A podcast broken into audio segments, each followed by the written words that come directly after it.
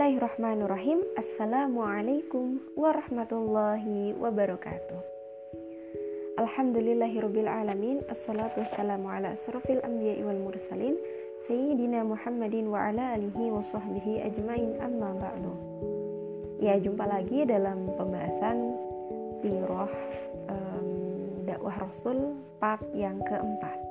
Di mana sebelumnya part yang ketiga kita sudah membahas tentang um, interaksi yang dilakukan oleh Rasulullah ya.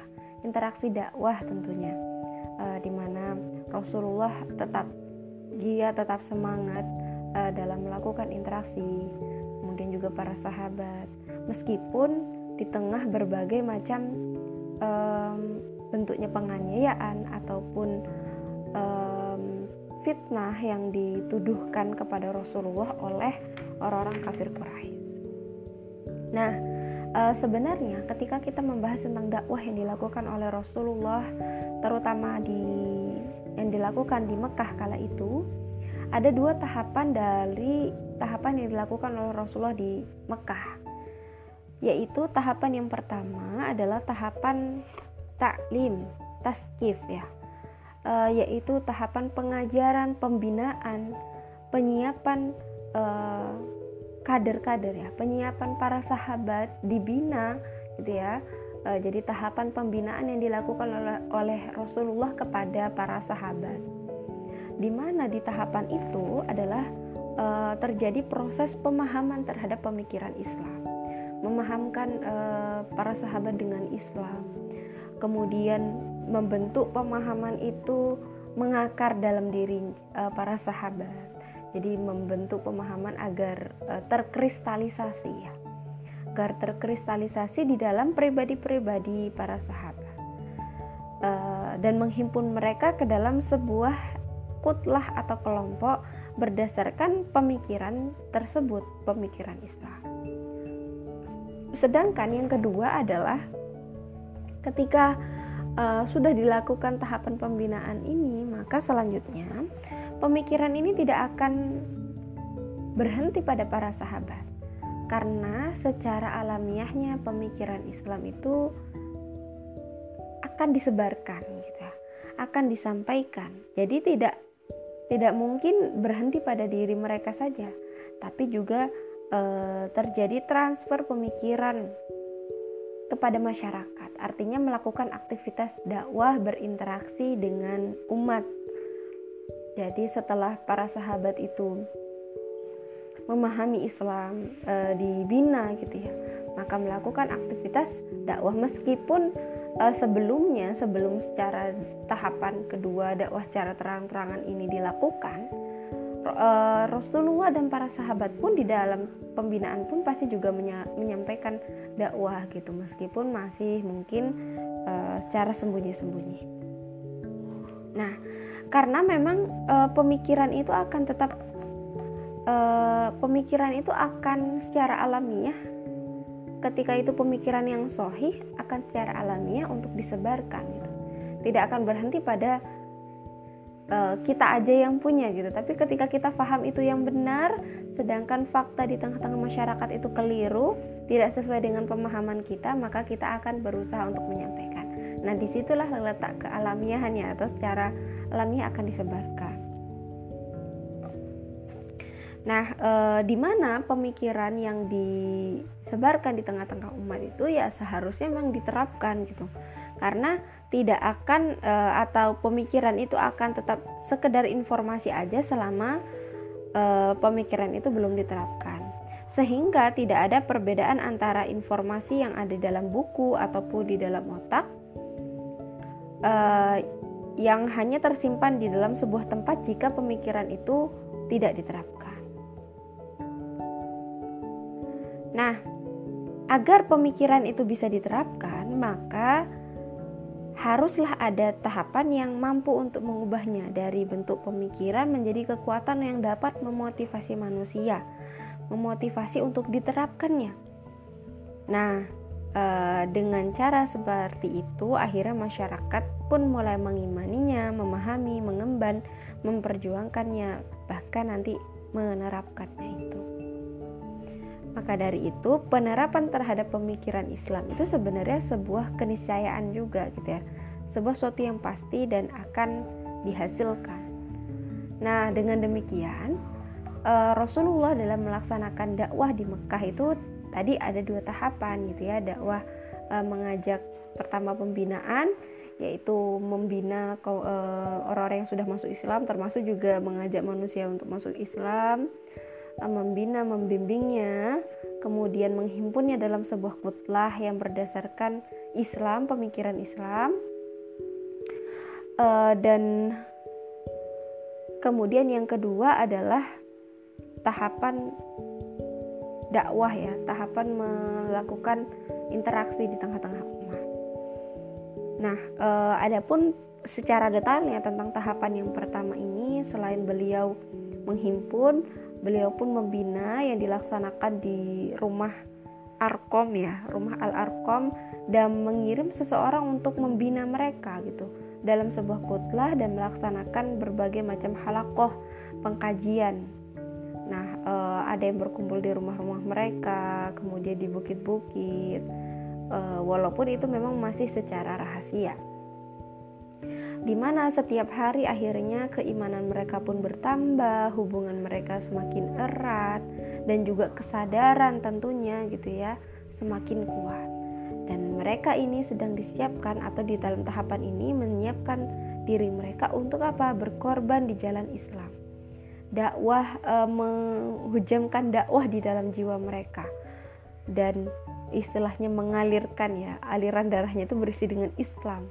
Sehingga terbentuklah uh, seseorang yang memiliki kepribadian Islam. Maka wajar ya jika kita me, ketika kita mengkaji secara sejarahnya secara sirohnya. Di masa-masa itu di awal-awal Islam ada berbagai macam penyiksaan namun apa yang dilakukan oleh para sahabat yang mengalami siksaan tersebut mereka tetap kuat, tetap teguh di dalam Islam. Karena apa? Karena sudah terbentuk dalam diri mereka kepribadian. Islam sudah menancap dalam uh, jiwa mereka gitu ya. Sehingga walaupun berbagai macam penyiksaan yang dilakukan, mereka akan tetap teguh di dalam Islam. Nah, uh, oleh sebab itu, Islam yang sudah menancap erat di dalam jiwa mereka tidak akan pernah bisa terkurung gitu. Da, uh, dalam jiwa mereka tapi mereka pun akhirnya berusaha untuk menyampaikan. Mereka berdialog berdiskusi kepada siapa pun yang mereka uh, temui masyarakat. Nah sehingga dakwah uh, di fase ini itu telah melewati sebuah titik ya. Titik awal atau nuktatul ibtidak menuju kepada nuktatul intilak atau titik tolak dengan berbagai upaya e, untuk menjalani titik tolak dakwah ini dan menyeru semua manusia.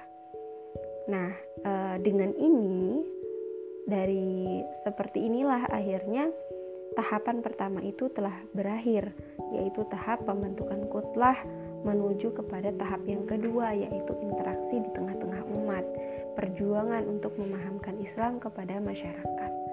Sehingga mereka berinteraksi dengan Islam dan menerima lalu menyatu dengan jiwa lalu Islam itu menyatu dengan jiwa mereka. Ataupun bisa jadi sebaliknya terjadi penolakan terhadap Islam. Karena dari interaksi bisa ada yang menerima bisa ada yang menolak. Um, kemudian juga selain menolak mereka juga bisa jadi menyerang Islam. Menyerang pemikiran-pemikiran Islam dan melakukan penganiayaan uh, dengan berbagai macam cara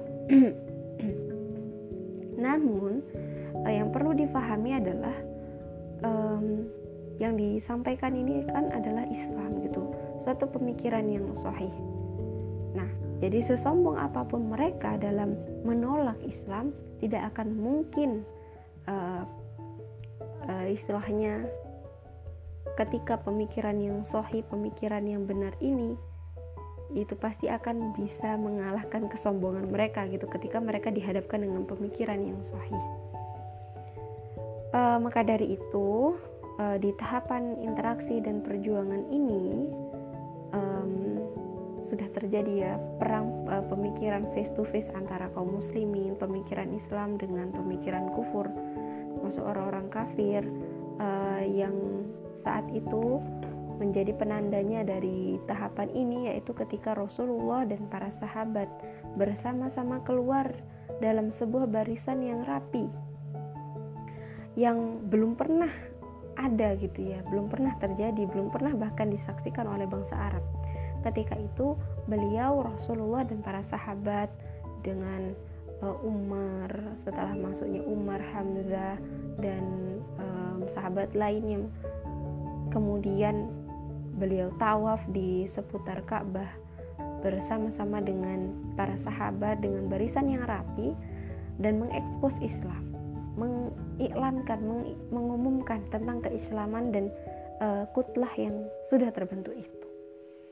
Nah, um, di mana ya di masa awal awalnya gitu ya ayat-ayat um, yang turun kepada Rasulullah uh, mengajak kepada tauhid, mengingkari paganisme dan kemusyrikan, kemudian turut turun ayat-ayat yang mencela tentang muamalah yang uh, rusak di tengah-tengah masyarakat. Kaum kafir Quraisy ketika itu menyerang aktivitas riba. Dan, uh, dan Rasulullah menjadi sosok yang berbicara tentang Islam kepada masyarakat dalam bentuk jamaah. Beliau mengumpulkan kaumnya di dalam sebuah jamuan makan. Namun mereka menolak. Beliau juga melakukan uh, dialog kepada orang-orang kafir Quraisy. Uh, tapi ya tetap dengan adanya penolakan gitu ya para pemimpin kaum kafir Quraisy, Abu Lahab yang menolak dengan keras ajakan tersebut dan terjadi permusuhan gitu ya orang-orang kafir Quraisy itu semakin tajam antara Rasulullah dan orang-orang kafir Quraisy. Um, demikianlah ya uh, dakwah yang awalnya berkelompok dalam bentuk pembinaan, kemudian um, berpindah menuju tahapan interaksi uh, di tengah-tengah umat. Nah, uh, di masa atau di tahapan yang kedua ini pun tentunya ya orang-orang kafir Quraisy itu dengan semakin giatnya dakwah yang dilakukan Rasulullah dan para sahabat semakin menguat kedengkian kafir Quraisy terhadap mereka.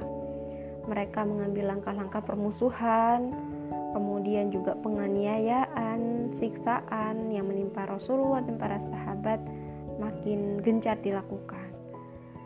Karena memang dakwah jama'i ini sebenarnya punya pengaruh yang kuat gitu di dalam dakwah. Dan terbukti kata Islam itu terdengar oleh semua orang. E, dakwah kepada agama Allah ini semakin menyebar luas di antara penduduk Mekah. Dan bahkan tidak ada hari kecuali sebagian dari mereka itu masuk Islam. Karena Allah semata. Dan orang-orang yang mungkin berwatak keras, lemah maupun yang dihalang-halangi masuk mulai beriman itu ada gitu dihalang-halangi untuk masuk ke dalam Islam.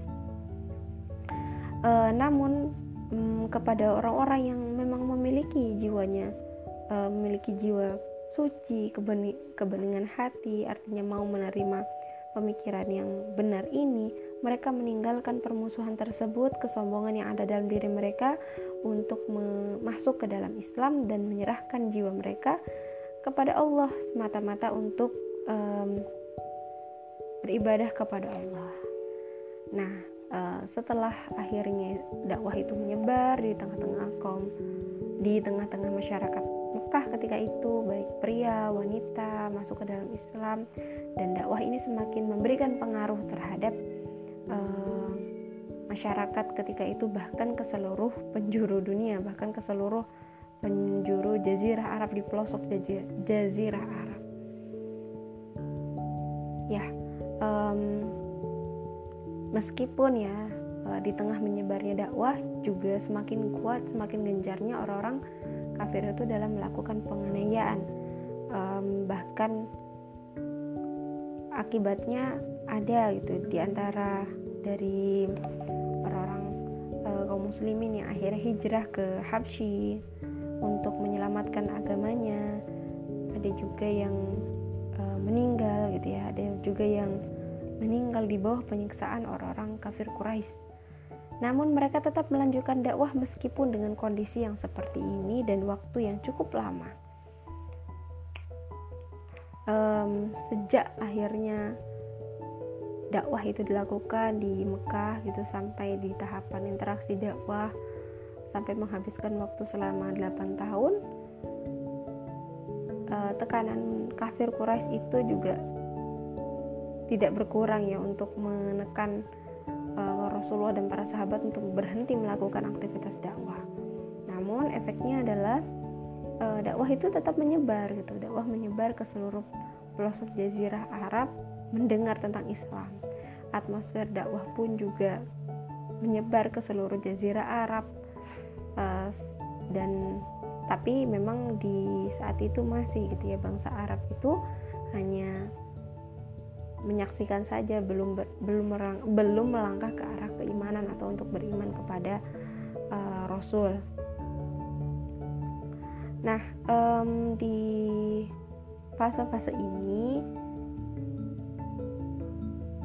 karena tidak memungkinkannya untuk um, istilahnya melanjutkan ke dalam tahapan yang ketiga gitu ya tahapan penerapan Islam karena kerasnya masyarakat Mekah uh, terhadap dakwah dan juga tidak memungkinkan upaya penerapan tersebut sehingga um, nanti akan berlanjut kepada perluasan medan dakwah.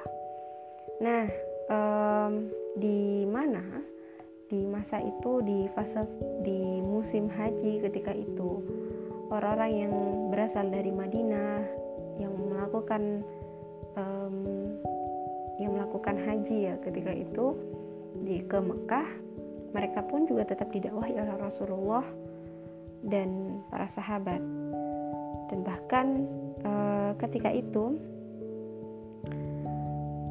di musim haji itu beberapa dari orang Khajrat datang ke Mekah dan menemui dan Rasulullah pun menemui mereka, mengajak berdialog, menanyakan keadaan mereka uh, dan mengajak mereka kepada agama Allah. Mereka pun saling berpandangan satu sama lain hingga mengatakan, "Demi Allah, sesungguhnya Dia seorang nabi yang pernah dijanjikan kepada kalian oleh orang-orang Yahudi. Karena itu, jangan sampai ada orang yang akan mendahului kalian." Dan mereka pun akhirnya menerima dakwah Rasul dan masuk Islam sambil berkata kepada Rasul, "Sesungguhnya kami meninggalkan kaum kami, Aus dan Khajrat, karena tidak ada kaum yang permusuhan dan kejahatannya seperti permusuhan dan kejahatan mereka. Semoga melalui engkau Allah mempersatukan mereka. Jika Allah berhasil mempersatukan mereka dengan kepemimpinanmu, maka tidak ada orang yang lebih mulia darimu." Nah, maka ketika beberapa orang Khajarat ini masuk ke dalam Islam dan setelah selesai melaksanakan hajinya, mereka pun kembali ke Madinah dan menceritakan keislaman tersebut kepada kaumnya. Hingga uh, sejak saat itu tidak ada satupun di rumah perkampungan Aus dan Khajarat di Madinah kecuali di dalamnya disebut-sebut nama Muhammad.